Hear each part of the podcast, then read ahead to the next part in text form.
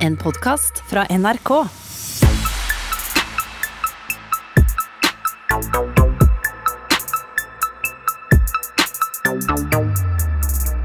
Sett deg ned i godstolen din, fyr opp peisen, finn fram pleddet, ta en øl. Ta noe å drikke på, eller hva som helst. Eh, I dag skal vi kose oss med noen historier. Ja. Dette er ordentlig historie fra det virkelig kriminelle livet. Ja, Historie fra røvere. Fra røvere, ja. Der har du det. Riktig. Velkommen til eh, Røverradioen. Eh, vi sender fra Oslo fengsel. Jeg heter Kristian og står sammen med Ole og Mali. Hei sann. Hei, Ja, Ole, vi har fått en ny røver her. Ja. Hei, Mali. hei. hei. Velkommen. Jævla kult at du kom hit. Takk, takk. Ja. Jeg syns det er eh, fett med det programmet her. Og så liksom samfunnet får litt innsyn i hvordan vi har det i fengsel og sånt. da. Ja, ja, Så det er veldig bra. ja. Ja, Det er kult å ha deg her. Og vi skal også høre deg fortelle om når du holdt på å bli deportert til eh, Marokko. Ja, ja. Og du har ikke noe tilknytning til Marokko i det hele tatt. Absolutt ingenting. Helt sikker? Helt, sikker. 100, 100. Ja, 100, ok. 100. Eh, vi skal også høre fra eh, en historie fra Christian, eh, hvor han var undercover på Oslo politistasjon. Det var jeg, altså. Helt vilt. Men eh, først skal vi høre fra Karim eh, på eventyret hans eh, når han slapp ut fra Halden fengsel. I bare crocs og med søppelsekken på skulderen. Ja. Innsatte i norske fengsler lager radio. Du hører Røverradioen i NRK P2. De aller fleste som sitter i norske fengsler, skal jo bli løslatt Mm. en gang. Og vi som er her i Oslo fengsel, vi er jo innafor ring, ring 1, er vi ikke det? Jo, midt i byen. Midt i byen. Så det er ikke så problematisk. Nei, Men uh, hvis man blir løslatt, så kan man alltid komme seg til et eller annet sted. Helt riktig. Ja. Men du ble jo løslatt, Karim, for et par år siden. ja. Fra Halden fengsel. ja. Uh, hvordan, uh, hvordan gikk det til? Nei, jeg var 18 år gammel. Mm. Eh, gikk inn i varetekt. Satt i Halden i innkomstavdelingen der i Det var bare en måned. Mm. På brev- og besøksforbud. Mm. Men jeg hadde flaks. Eh, politiet bestemte seg for å ikke varetektsfengsle meg videre. Så de bestemte seg for å løslate meg. Men jeg visste jo ikke det. Så det var søndag morgen. Så kommer betjentene inn i cella og sier hei, eh, du er løslatt. Sier jeg hæ? Løslatt? Ja, jeg er løslatt, sier de. Før jeg bare tenkte yes, jeg er løslatt. De bare pakk sakene dine, jeg er bare ferdig, jeg kommer nå. Og så jeg bare pakker sakene mine kjapt i sånne svarte søppelsekker. Og jeg tenkte inni meg Jeg er jo langt ute i helvete et eller annet sted. Hvem faen er det som skal hente meg nå? ikke sant? Og jeg sier til betjentene Hei, kan jeg bare ringe et par stykker bare for å få noen til å hente meg, da? Mhm. Og jeg ringer faren min, han tar ikke telefonen. Det er jo morgen, det er ti på morgenen på en søndag, ikke sant? Mhm. Jeg ringer faren min, han tar ikke telefonen. Og jeg prøver å ringe en kompis, og han tar ikke telefonen, han heller, ikke sant? Så jeg hadde jævla uflaks. Eh, og jeg, jeg, jeg, sa til meg bare Hei, kan jeg bare prøve å ringe et par ganger til? Og jeg ringer, og ingen tar opp. Så til slutt så måtte de bare pælme meg ut av fengsel, da. Så jeg, jeg, jeg har ikke sko engang. De har, politiet har tatt skoene mine, og de har tatt klærne mine, og jeg hadde liksom den hvite T-skjorta man får fra fengselet. Så hadde jeg, jeg hadde en bukse som jeg fikk fra en annen, og så hadde jeg et par crocs. Crocs. Crocs, jeg hadde ikke sko engang. Ja, jeg så helt ustelt, med nesten fengselsklær og sandaler, crocs, liksom. Men eh, hva gjorde du da? Nei, jeg gikk ut av fengselet, ut av muren. Og jeg vet jo faen, jeg vet da faen hvor jeg er engang. Jeg vet ikke hva som er greia der. Og så ser jeg bare en lang vei som er bare rett fram. Mhm. Tenkte jeg, jeg må komme til et eller annet sted, da. Jeg greier å gå en liten stund. Jeg spør meg fram til en eh, Stopper biler på veien, liksom. Spør meg fram til bensinstasjon. Finner en bensinstasjon, og så finner Hvor lenge har du gått da? Nei, jeg har gått kanskje en halvtime eller noe. Mm. Og med, med en svær søppelsekk og crocs, ikke sant. Så det føles som to timer. Ja. Men så stopper jeg på en bensinstasjon, og så spør jeg hei eh, Ikke sant, jeg tror jo det her er Oslo, og bussene går hvert kvarter og sånn, ikke sant. Mhm. Sier til hun ene som jobber der eh, Hei, unnskyld, når er det bussen går herifra? Ja, hvor skal hun? Hvor skal du, sier hun. Ja, jeg skal til Oslo. hun tenkte inni seg, hvem faen er det her for noe? Men jeg tror hun skjønte at jeg kom ut fra fengselet. Hun bare beklager, det går ikke buss før om tre-fire timer nå. Jeg Tenkte hva faen skal jeg sitte her i tre Jeg hadde ikke penger engang, mann. Bussen hadde kasta meg ut. Bro, jeg sitter der. Plutselig det kommer en buss fullt av utlendinger. Jeg tenkte hvem faen er det her? Hvem er den bussen her full av utlendinger i, langt ute i landsbyen? Men plutselig jeg spurte en av dem eh, Hei, hva, hvor er det den bussen her går? De sier til meg ja, vi skal til Oslo. Sier til meg hei, hva, hva er det dere har gjort? Nei, de hadde vært og handla på grensen, da. Det er de der bussene som går og handler på Vært grensa. på harrytur. Ja, vært på sånn eh, Handla halalkjøtt. Ja, han har halalkjøtt og sånt mm. fra grensa. Kommer yeah. tilbake. Og jeg står jo der med en svart søppelsekk og crocs, mm. og jeg sier til bussjåføren hei, kan du være snill og la meg bare sitte på til Oslo? Mm. Og han snakker ikke så bra norsk. Jeg sier til han jeg, jeg kom ut nå fra Halden fengsel. Kan jeg bli med til Oslo? Og han trodde jeg hadde rømt derifra eller noe. skjønner du? Ja. Så han sier til meg nei, nei, nei, vi kan ikke, nei, nei, nei, nei, bare du må gå herifra, nei, nei, nei, nei, du vet. Jeg ble helt stressa. ja. ja. Bare ja, legitimasjon, har du legitimasjon? Jeg bare nei, bror, jeg har ingenting, bror, jeg har ikke penger. Ikke penger? Nei, du kan ikke bli med, han sier til meg. Plutselig det var en pakistaner som kommer ut av bussen for å ta seg en røyk. De, de hadde pause der, ikke sant. Mm. Han sier til meg «Eh, hei, kom du ut av Halden fengsel nå, eller? Sier til han ja, altså, bror, han vil ikke la meg gå på bussen, han her. Så sier han til meg jeg ble løslatt der for et par år siden, bror. Bare vent, jeg skal snakke med eh, bussjåføren. Snakker han med bussjåføren, de lar meg gå inn i bussen. Eh, kjørte harrytur tilbake til Oslo, bror. Ferdig, da. Ja, ass. Det løste seg til slutt. Løste seg til slutt. Ja, så moralen i, i, i fortellingen i snakken her er jo vel at det er greit å få vite når du skal løslates, uansett om du er varetekt eller om du sitter på dom. Ja, ja, ja. Det er fucked up å bare gå med tøfler til nærmeste bensinstasjon og vente på en buss som aldri kommer. Og... De skulle nok få latt deg være der litt lenger, syns jeg. Jeg hadde flaks, da. Ja, du hadde flaks. Jeg hadde jævla flaks. Var... Men du hadde vel funnet en eller annen løsning etter hvert uansett? Ja, ja, jeg måtte Jeg vet ikke, altså. Det måtte ha løst seg. Ja.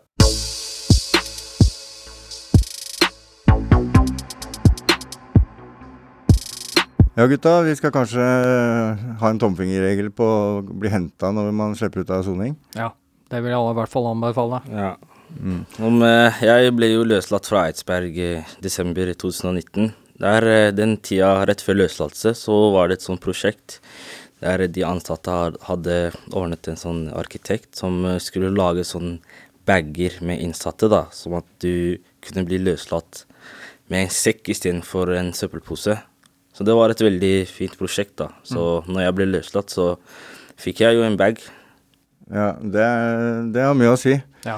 Og, og for dem som kanskje ikke skjønner hvorfor det er så veldig viktig for oss som blir løslatt, det har med Bare ta et eksempel her fra Oslo fengsel. da. Står du på utsiden der med alle eiendelene dine i en sort pose, og, og det er eh, rushtrafikk og kø, så pleier bilistene å tute, for de veit du blir løslatt. Så det er jævla kjipt. Ja, Og så ser det ut som en lasaron. Ja, ser ikke bra ut i det Så hvis noen har lyst til å donere en bag da eh, til Oslo fengsel eh, til en god sak, så tar vi imot med åpne armer. Ja, og Det og det, det bør helst være på størrelse med en ishockeybag, da. Merk dere det, da. Ja, Men- jo større jo bedre. Større jo bedre. Større jo bedre. Og jo flere jo bedre. Ja. Li- Liksekker og aksepteres også, da. Ja, ja og, vi, så skal vi høre fra Tina på Bredtvet. Eh, hun er på et besøk som ja, kanskje ikke går helt som planlagt. Eh, nei, det kan man eh, trygt si. Hun eh, Ja, det blir jo en ganske alvorlig situasjon, faktisk. Mm. Ja. Men vi skal høre Tina fortelle sjøl, så vi setter over til Bredtvet. Det gjør vi. Yes. Ja, når man er her inne, så øh, møter man jo folk øh, med, i hvert fall for min del, ganske ulike liv enn mitt. Jeg har jo ikke så mange røverhistorier, men øh, det er det jo andre her inne som har. Du eksempel, Tina? Ja, det har jeg vel. Ja, har du noen historier du kunne dele med meg nå, eller? Jo da, det kan jeg, Maiken. Eh, Det var for mange år siden, når jeg var eh, aktiv heroinist, som jeg dro opp til en kamerat av meg, som solgte dop. Og vel der oppe så kommer det en annen fyr også, som jeg ikke hadde sett før, og han, han skulle også handle, og gjorde så. Og fikk da beskjed om at dette her var veldig godt dop, og at han måtte være forsiktig. Ja, men godt dop, da, så mener du sterkt? Veldig sterkt, ja. Ja. ja. Sånn at Ja da, sier han. Det skulle han være. Og drar i seg altfor mye. Og fikk en overdose. Og, og først så prøvde vi de tradisjonelle metodene, ikke sant? Altså med å bare riste litt og herje med den litt. Dro den ut i dusjen, spylte iskaldt vann på den. Eh, Endte opp med å prøve å både gi en hjertekompresjon og munn til munn, men vi forsto at eh, dette her eh, var ikke noe vi kunne klare å, å redde den på bare aleine. Han måtte ha motgift. Oi. Ja, oi ja. For det at eh, en fullvoksen kar som er eh, dauvvekt, han veier ganske mye. Og kameraten min han bodde i fjerde etasje, sånn at å få denne kroppen nedfor alle disse trappene, det var ikke gjort i en håndvending. Sånn at eh, vi, vi tok et teppe og tulla karen inn i det, og halvveis dro og halvveis bar eh, med fare for eh, offerets eh, hode, holdt jeg på å si, nedfor alle disse fire trappene. Og det var ingen enkel oppgave, kan jeg fortelle deg. Vel, der nede så var det fremdeles langt opp til telefonkiosken. Så, men så fikk eh, kameraten min en lynidé. Han visste at, eh, tror jeg, at det var en trillebår eh, som var tilhørte borettslaget eller et eller annet sånt. Så En han bare rundt- Ja, ja, en trillebår. Så han rundt hjørnet der og kommer tilbake med en trillebår, og vi lemper den oppi trillebåra og begynner å trille. Og dette her var en lørdagskveld, sånn at eh, Og midt i tjukkeste Oslo eh, Det er jo Langs bygatene med, trill, Ja. med mann i trillebår? Ikke sant? Øvre Grønløkka. Mange flest festglade mennesker der sånn på en lørdagskveld. Og dem kom jo og lurte fælt på hva det var for noe bevisstløst som lå i en trillebår, og vi bare 'Han har drukket for mye', skjønner du. Sånne kommentarer for å overbevise folk vi møtte på, da. Eh, om det funka, veit jeg ikke, men i hvert fall, eh, vi fikk henne opp til telefonkiosken. Og vel der oppe så ringte vi ambulansen og ga beskjed om at det lå en overdosert mann i en trillebår ved den og den telefonkiosken. Hva sier de på Nei, det- er sånn, uvisst. Men vi i hvert fall trakk oss litt pent tilbake, da, og, og sto rundt hjørnet og titta på, og ambulansen kom relativt raskt, så vi så at han blei eh, tatt vare på. Men eh, denne historien endte jo med at fyren overlevde, og det gikk bra. Ikke blei vi arrestert for noe Uh, masse dop heller, sånn at uh, det var en vinn-vinn uh, for alle parter. Men Ja, for det, det første jeg tenkte når du begynte å fortelle, var jo litt sånn der Men, men kunne dere ikke ringt fra leiligheten? Nei, Hva- du veit det at når du har masse dop i leiligheten, og du ringer og sier at det er en overdose, så kommer jo gjerne ikke bare ambulansen, da, da kommer jo politiet også, og det første de gjør da, er jo å arrestere deg. Vi måtte jo få han ut først, før vi kunne Ja, så når dere skal tenke på å redde kameraten deres, så må dere også på en måte tenke Ja, på at dere ikke åker med sjøl? Sånn er det jo når du holder på med noe som er ulovlig. Du må jo tenke på politi alltid, hvis du ikke har lyst til å ende opp der hvor jeg sitter nå. Ja, nei, Liksom. det har man jo gjerne ikke. Ja, nei, ikke så veldig. Innsatte i norske fengsler lager radio. Du hører Røverradioen i NRK P2. Ja, vi kan vel si at eh, vi er glad på Tinas vegne at det gikk bra. Ja, du kunne, Heldigvis. Når det er stoff inne i bildet, så kan alt skje. ja. Så, men eh, vi er ganske nådeløse, da, så dette er jo da første dagen din, Mari. Det er det. Og vi kjører rett på mikken, vi. Så nå er vi spent, Ole. ja. Ja? Hva er dette her? Er det noe street gangster-greier, eller? Nei, det her er eh, litt før den tida, da.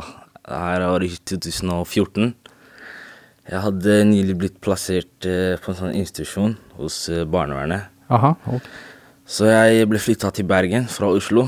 Drev og rømte hele tiden. Prøvde å komme meg til Oslo. Ble tatt halvveis fram og tilbake. Og så, og så i sommeren så klarte jeg å rømme til Oslo. Hvor, hvor gammel var du da, kan jeg spørre? spørre var meg? jeg 15 år. 15 år, ja. Men hvordan, hvordan er det liksom eh, Når du sier rømme fra Bergen, liksom? Det er ikke sånn at du tar bagen og begynner å gå, liksom? Nei, jeg hoppa på toget. Bergensmann, ja. Det er stedet å jeg sa stikke av. til de som bodde der at jeg skulle spille fotball hele dagen og trengte åtte timer på å komme meg til Oslo. Mm. Så jeg kom meg til Oslo, da møtte kompiser og sånt. Og så vi måtte gjemme oss hele tiden og sånt. Så han ene kompisen min, han, eh, han drev med litt sånn mastercard, og han hadde flere bilder av sånn kort, da. Så han sa til meg la oss reise og sånt. Bare la oss komme ut av landet og chille og sånt. Altså, så jeg til la oss gå til Barcelona. Og så bestilte vi billett samme dag. Vi hadde ikke noe pass, eller bare han hadde pass. Så vi tok flyet, da. Var der i et par dager, slappet av og sånt. Var ute på byen, havna i slåsskamp og sånt. Så ble vi pågrepet av politi. Og vi hadde ikke noen papirer, ingenting, ikke noe pass. Bare han ene hadde pass. Så politiet, som det var umulig å kommunisere med, snakket bare spansk og sånt. De mente at vi var eh, marokkanske flyktninger. Havna på sånn eh, asylmottak Ja, eller med fullt av marokkanere som Jeg visste ikke hvor jeg var engang. skjønner du? Og jeg hadde, jeg hadde telefonen min, heldigvis. Så jeg kontakta barnevernet og fortalte dem at jeg er i Barcelona og sånt. På et asylmottak? På et asylmottak, og, og de mener at de er fra Marokko og har kommet med båten hit og sånt. da. De var veldig sikre på saken sin. Ja, Vi var gjennom glattcella der. Så det kom en sånn etterforsker som du ser på CSI, som uh, skulle få ut informasjon fra oss. Mm. Og jeg fortalte at familien vår På starten så løy jeg. Jeg sa familien vår er på båttur, og de skal være borte i to dager, og vi er på hotell og sånn. Mm. Men etter hvert, etter hvert så skjønte jeg at det går ikke. Jeg må bare komme clean. Ja. Jeg ble sendt videre. Så ringte jeg til barnevernet. Og så snakka de med konsulatet og sånt, og så kom de og henta meg nedi der, da. Så, Det er sjukt, da. ja, det var helt vilt, altså. Jeg visste ingenting. Jeg var 15 år og var gjennom glattcella i Barcelona. Og Men åssen kom, kom du deg på fly når du er 15 år uten å ID? Nei, vi, Ingenting, altså? jeg, jeg lurer på det selv. Vi hadde Ja. boarding pass, og han ene kompisen hadde pass, så Ja. han gikk før oss. Og så bare skanna vi boarding passet rett inn i flyet. Men det vi ikke visste, var at tilbakeveien så måtte vi ha pass og sånt, for Mm. det var sånn passkontroll. Det fant vi ut etter hvert. Mm. Så du hadde egentlig ikke kommet deg hjem? eh, Jeg hadde ikke det, altså. Nei. Så jeg må takke barnevernet for å bringe meg trygt tilbake. Ja. Åssen var det i et spansk fengsel eh, hvis du sammenligner med Norge? Nei, der var det ikke noe madrass, og det var bare litt sånn betong og rett inn. Jeg var den første som ble plassert i en celle, da, så de bare tok hendene mine, plasserte det på blekk, ikke sant, for å ta Mm. fingeravtrykk. Bare gjorde sånn, og så rett inn i en celle. Var- Var det mange på cella, eller? Er det sånn 30-40-50 Nei, eller? mann, det var sånn syv-åtte, men det var plass til mange. Det Mm. var liksom to celler fordelt på alle som skulle dit, liksom. Ja. Men du spurte disse andre gutta som var der, liksom, ja, hvem båt var det du kom Ja, det med? var, ja, det var mange ma sånn? marokkanere som begynte å snakke arabisk til meg, og jeg prøvde å forklare. Jeg bare nei, nei, jeg er ikke, jeg er ikke fra Marokko, jeg er fra Norge. Jeg, jeg, de tror at jeg er fra Marokko. Sånn. De, de bare begynte å le. Var, var du ikke redd da, Mali? Jo, jeg var, eh, jeg var redd for å havne i Marokko, for å være helt ærlig. Ja. Jeg var liksom Alt jeg sa, de trodde ikke på det. Og det var så umulig å kommunisere med dem. De snakka ikke engelsk i det hele tatt. De snakka spansk til meg. Prøvde å forklare på engelsk, men eh, det var umulig. Plutselig jeg havna i. Marokko og bare Ja, gir deg en ny ID og sånn. Ja, ja. Det er her du er hjemme og greier. Nei, men de var skikkelig sikre på saken sin, da. De, de er sikkert drittlei av alle de som kom med båt, og ville bare sende meg rett tilbake, da. Hva- hvordan reagerte barnevernet på dette? Nei, jeg, jeg ble en litt sånn kjendis i det gamle Oslo barnevern eh, her, da. De mente at ja, ungdom rømte til Barcelona uten pass og Men eh, Nei, de syntes ikke noe særlig om det. De ville jo ha sånn lengre vedtak. Jeg skulle være der ett år. Så den sommeren jeg kom tilbake, så hadde jeg møte med hun der eh, saksbehandleren. Så mente hun at hun ville holde meg i ett år til, da. Fordi at jeg ikke blir noe bedre her. Men så lovet jeg henne at eh, vi får se hva som skjer, at jeg skal skjerpe meg og sånn. Så etter et halvt år så flytta jeg hjem, da. Men du fikk fortsette å spille fotball, eller? Ja, jeg fortsetter med alt. Alt skole, fotball, alt mulig. Du fikk bare ikke være borte så lenge, kanskje, på trening? Nei, nei, jeg fikk ikke jeg, Det var litt sånn, de var litt mer, mer da, på treninga. Følte litt med og sånn. Ja. Men etter hvert så fikk jeg tillit og fikk reise hjem til familien annenhver helg. Det er bra. Ja, det var bra. Jeg regner ikke med at du tar den turen en gang til? Nei, nei, hvis jeg tar den turen, så er det med pass og papirer, da. Ja, ja. Ja. Sjuk eh, historie, Mali. ja, det var litt av en eh, historie. Ja, men eh, vi er ikke ferdige der. Vi Nei. har en historie til, vi, og denne gangen, Mali, så er det Christian som Christian. faktisk var eh, undercover på eh, politihuset i full eh, Ja, hva skal jeg si? Forkledning. Forkledning. Ja, vi kan jo si det sånn. Dette her var jo Det er, det er mange år siden nå. Eh, Jeg kjørte da budbil i Oslo. Eh, Og på den tida her så var jeg veldig eh, Politiet var veldig på hugget etter meg. da. De, de spana, de skulle ta meg. Så jeg jeg, Men, ja, nå er jeg litt ja. forvirra. Du, du kjørte budbil pluss lensmann eh, jakta på deg? Ja, ja. Altså kjørte du dobbeltliv, eller? Hva? Eh, ja, kan du si det sånn. Eh, det, det gikk jo så langt som at eh, jeg måtte kjøpe meg parykk og du veit, eh, kle meg ut litt og sånn da når jeg skulle på jobb. Ja vel, ok. Så jeg hadde jo da kjøpt inn eh, Jeg har vært på Nille og kjøpt en sånn flott uh, parykk med caps og greier. Ja. Uh, langt hår. Uh, jeg har kjøpt en sigar som jeg hadde i munnvika, liksom. Alt for å liksom skjule hvem jeg var, da. Ja. Og jeg, jeg tror det funka ganske bra. Men Ja. så var det jo En dag så eh, får man jo oppdraga på iPad. Eh, jeg kjørte bildeler eh, for et firma. Jeg fikk eh, hente noen bildeler Meka eh, leveres til Oslo politidistrikt. Eh, jeg tenkte bare faen, hva skjer her, liksom? Ja. Da, da mener vi Grønland politistasjon, Grønland sant? politistasjon, ja. ja. Eh, jeg måtte jo bare Jeg måtte jo bare ta jobben, fordi når man kjører sånn VIP-leveringer, da, så da skal du hente hos kunden og kjøre direkte, liksom, for at det er ekstra betalt. Og det er veldig fine oppdrag, da.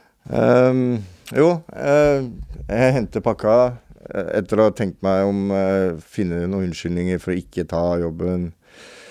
Ehm, ja, jeg må bare ta jobben, hente delene, ja, og kjøre mot Grønland. Kjøre mot politistasjonen, kjøre forbi politistasjonen, snur, kjøre tilbake. Eh, litt fram og tilbake, og liksom eh, begynner å bli litt sånn småsvett, egentlig. Jeg satt langt inne og levere der inne, skjønner jeg. Ja, ja, det gjorde det. Fordi en eh, vanlig varelevering ville jo da kjørt til porten, ikke sant. Og så viser man legitimasjon, blir guida inn. Riktig. Eh, I det tilfellet her, da, så eh, hadde jeg en bil med, med logo på. Eh, politiet visste veldig godt hvem jeg var. Ehm, så jeg turte i hvert fall ikke å kjøre inn porten der, så jeg parkerer litt borti gata. Tar med meg pakka, går sakte mot porten. Og der sitter det da en og skal ta deg imot, og ja, man tenker jo sånn eh, Skal han se førerkort, eller liksom hva er den mest naturlige legitimasjonen du vil eh, bli bedt om? Um, så jeg, jeg har jo bare sånn Jeg har jo ikke førerkort. så jeg har et sånn firmakort da, hvor det er navnet ditt og bilde. Altså en form for legitimasjon Ja. som jeg gir fra meg. og for den som ikke er klar over det, da, så, så hadde du ikke førerkort, men faktisk kjørte budbil allikevel, ikke sant? Ja, jeg gjorde det, vet du. Um, Så med andre ord, du gikk i full forkledning, men du hadde bilde og navn på brystkassa på vei inn til politihuset, pluss at du var ikke ettersøkt av politiet, men de leita i hvert fall aktivt etter deg, ikke sant? det, det stemmer. Eh, man vil jo tenke bare Hva faen er det for noe, liksom? Men, men eh, jeg tenker jo sånn at når navnet mitt eh, dukker opp, så tenker jeg da vil det lyse noen røde lamper, og liksom folk kommer løpende til og skal arrestere meg eller et eller annet. Du, du ryker, mener du? Det var det jeg tenkte. Ja. Eh, så jeg gikk litt sånn motvillig inn i, mot porten der, og ehm, Så du gambla på at det skulle gå greit, eller? eh, jeg, jeg måtte jo det. Ja. Jeg hadde ikke noe valg. Men, jeg måtte jo eh, briste og bære, liksom. Kunne du ikke gitt eh, oppdraget til noen andre som du jobba med? for Jeg også tenkte det, men det, det lot seg ikke gjøre. Um, jeg, jeg tror meg jeg prøvde alle mulige måter å unngå den jobben der på. Men um, jo, jeg går nå inn i vakta der og viser navnet mitt, og, og han begynner å skrive på PC-en og titte litt på meg, og jeg tenker bare shit, nå, nå smeller det. Men eh, nei, han bare printer ut en sånn klistrelapp med visitor-greier og ja. Så jeg får meg med den, og jeg tenkte kanskje han skulle spørre liksom bare hvorfor jeg kom gående, men eh, han gjorde ikke det. Um, så jeg går jo inn da, og prøver jo å følge da. Ikke sant? Jeg må jo gå den veien hvor bilene kjører, da, for når du skal levere, ikke sant, det går jo sånn Ja, du har vært i parkingshus. Um, så jeg må jo gå den veien der, og jeg ser jo det er jo politifolk overalt. Uh, biler kjører inn og ut. Uh, jeg drar jo kjensel på uh, i hvert fall 90% tror jeg, av de politifolkene jeg ser der. Og jeg visste jo det at hvis de fikk et godt blikk på meg, så hadde de kjent meg igjen. Og det hadde jo gått til helvete. Jeg må jo passe på hvert hjørne jeg går rundt. Og Eh, får jo omsider komme fram og levert denne pakka her, men jeg tenker jo underveis at det, dette her var veldig, veldig spesiell situasjon. Uh, går liksom der hvor du vanligvis uh, blir uh, ført med håndjern og og liksom du har et sånt sånn lapp som sier at du har lov å gå der. Og jeg kunne jo gå rundt, egentlig, hvor jeg ville, egentlig. Men altså, er ikke nervene på høyspenna når du er i en sånn situasjon? Jo, ikke bare at du møter jo på en måte folk som er på jakt etter deg, ikke sant? Jo, eh, jo er du gæren. Eh, det var nerver som pokkeren, altså. Eh, så, men jeg, jeg kommer meg jo opp da til slutt og får levert pakka. Jeg får en underskrift på iPaden, sender den inn. Um, setter kursen på vei ned igjen, da. Um, Og da var det ny spiserotgang? da var det en ny, uh, ny runde. uh, ja, det var liksom um, Unngå øyekontakt. Uh, det var liksom blikket ned. Um, det så sikkert jævlig harry ut, for jeg hadde jo en sigar i munnvika, ikke sant, som jeg hadde en litt sånn Hva skal jeg si, litt rollespill med meg sjøl. Jeg Mm. var en annen person. Eh, tusler da ja, sakte og rolig ut, eh, og jeg kjenner at når jeg, når jeg kommer ut porten der, så er jeg bare helt tappa for energi. Altså, jeg var så sliten så jeg måtte bare Da, da ringte jeg faktisk og sa jeg måtte ha fri resten av dagen. Altså. Eh, Men, men altså, det gikk, det gikk jo bra. Men jeg tenker det var flaks. Og så tenker jeg at det er merkelig liksom hvor lett man kommer inn der. Hva, hva syns du, Mali? Skal vi prøve dette her nå i nåtid, eller se om, det, om vi kan gjenta fadesen? Jeg hadde, Personlig hadde jeg ikke turt å gjøre det han eh, gjorde, men uh, det sier litt om uh, han som person, da, at han tok den sjansen. Ja, ja da, det er ikke noe tvil. Christian har jo cojones. Men uh, hadde du gjentatt det i dag, eller Kristian? Altså, Hvis det hadde vært sånn at uh, jeg var på en jobb og hadde en jobb å gjøre, så hadde jeg nok gjort den ferdig, ja.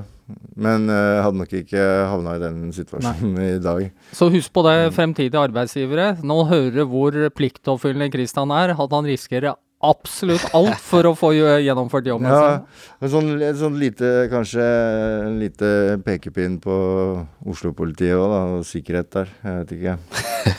jeg, tror, jeg tror kanskje jeg hadde tatt en, ny vurdering på Ja, men på de føler seg liksom veldig trygge der. De tenker ikke liksom at du som en person de er etter og prøver å ta hele tiden, skal liksom komme rett under nesa på dem, liksom.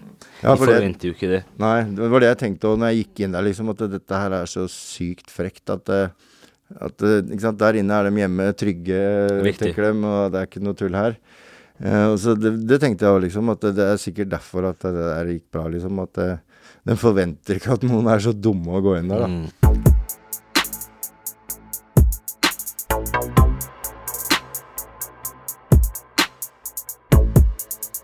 Ja, Kristian. Det høres ut som du har vært ute en eh, vinternatt før, du. Eh, stemmer det, altså.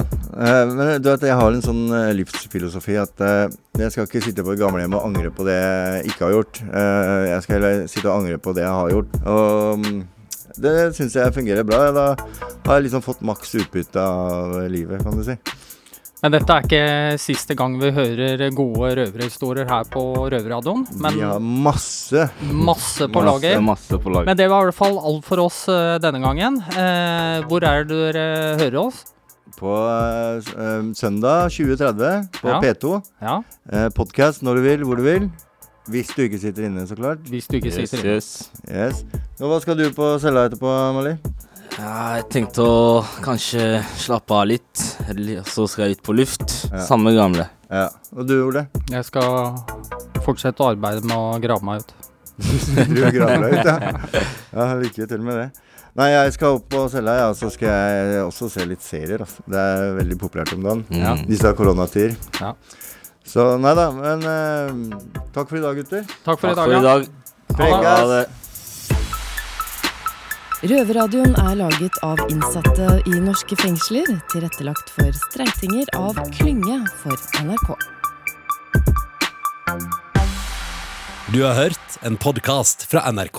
Hør flere podkaster og din favorittkanal i appen NRK Radio.